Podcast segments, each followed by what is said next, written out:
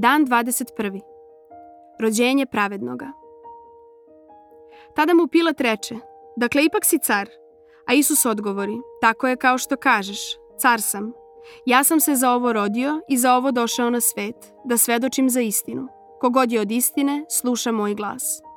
Jovan 18, 37 Jovan 18.37 je sjajan božićni tekst, iako se ne tiče početka Isusovog života na zemlji, nego njegovog samog kraja.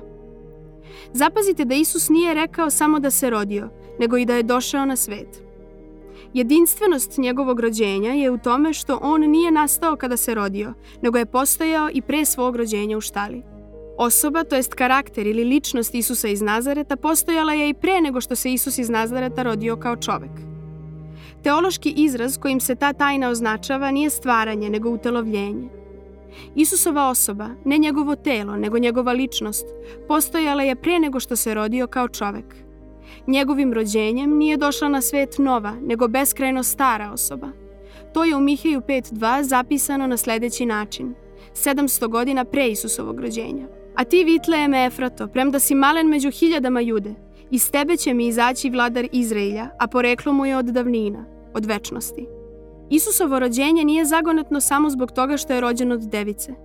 Bog je učinio to čudo da bi ono ukazivalo na još veće čudo, naime na to što je dete koje se rodilo na Božić zapravo osoba koja je postojala od davnina, od večnosti. Stoga je njegovo rođenje bilo svrsishodno. Razmišljao je o svom rođenju još pre nego što se rodio. Skovao je naum zajedno sa svojim ocem. O tom planu je delimično govorio u poslednjim časovima svog života na zemlji. Ja sam se za ovo rodio i za ovo došao na svet, da svedočim za istinu. Kogod je od istine, sluša moj glas. On je večna istina i stoga je govorio samo istinu. On je sproveo najveću istinu ljubavi i sada okuplja u svojoj večnoj porodici sve koji su rođeni od istine. To je bio naum od pradavnih dana.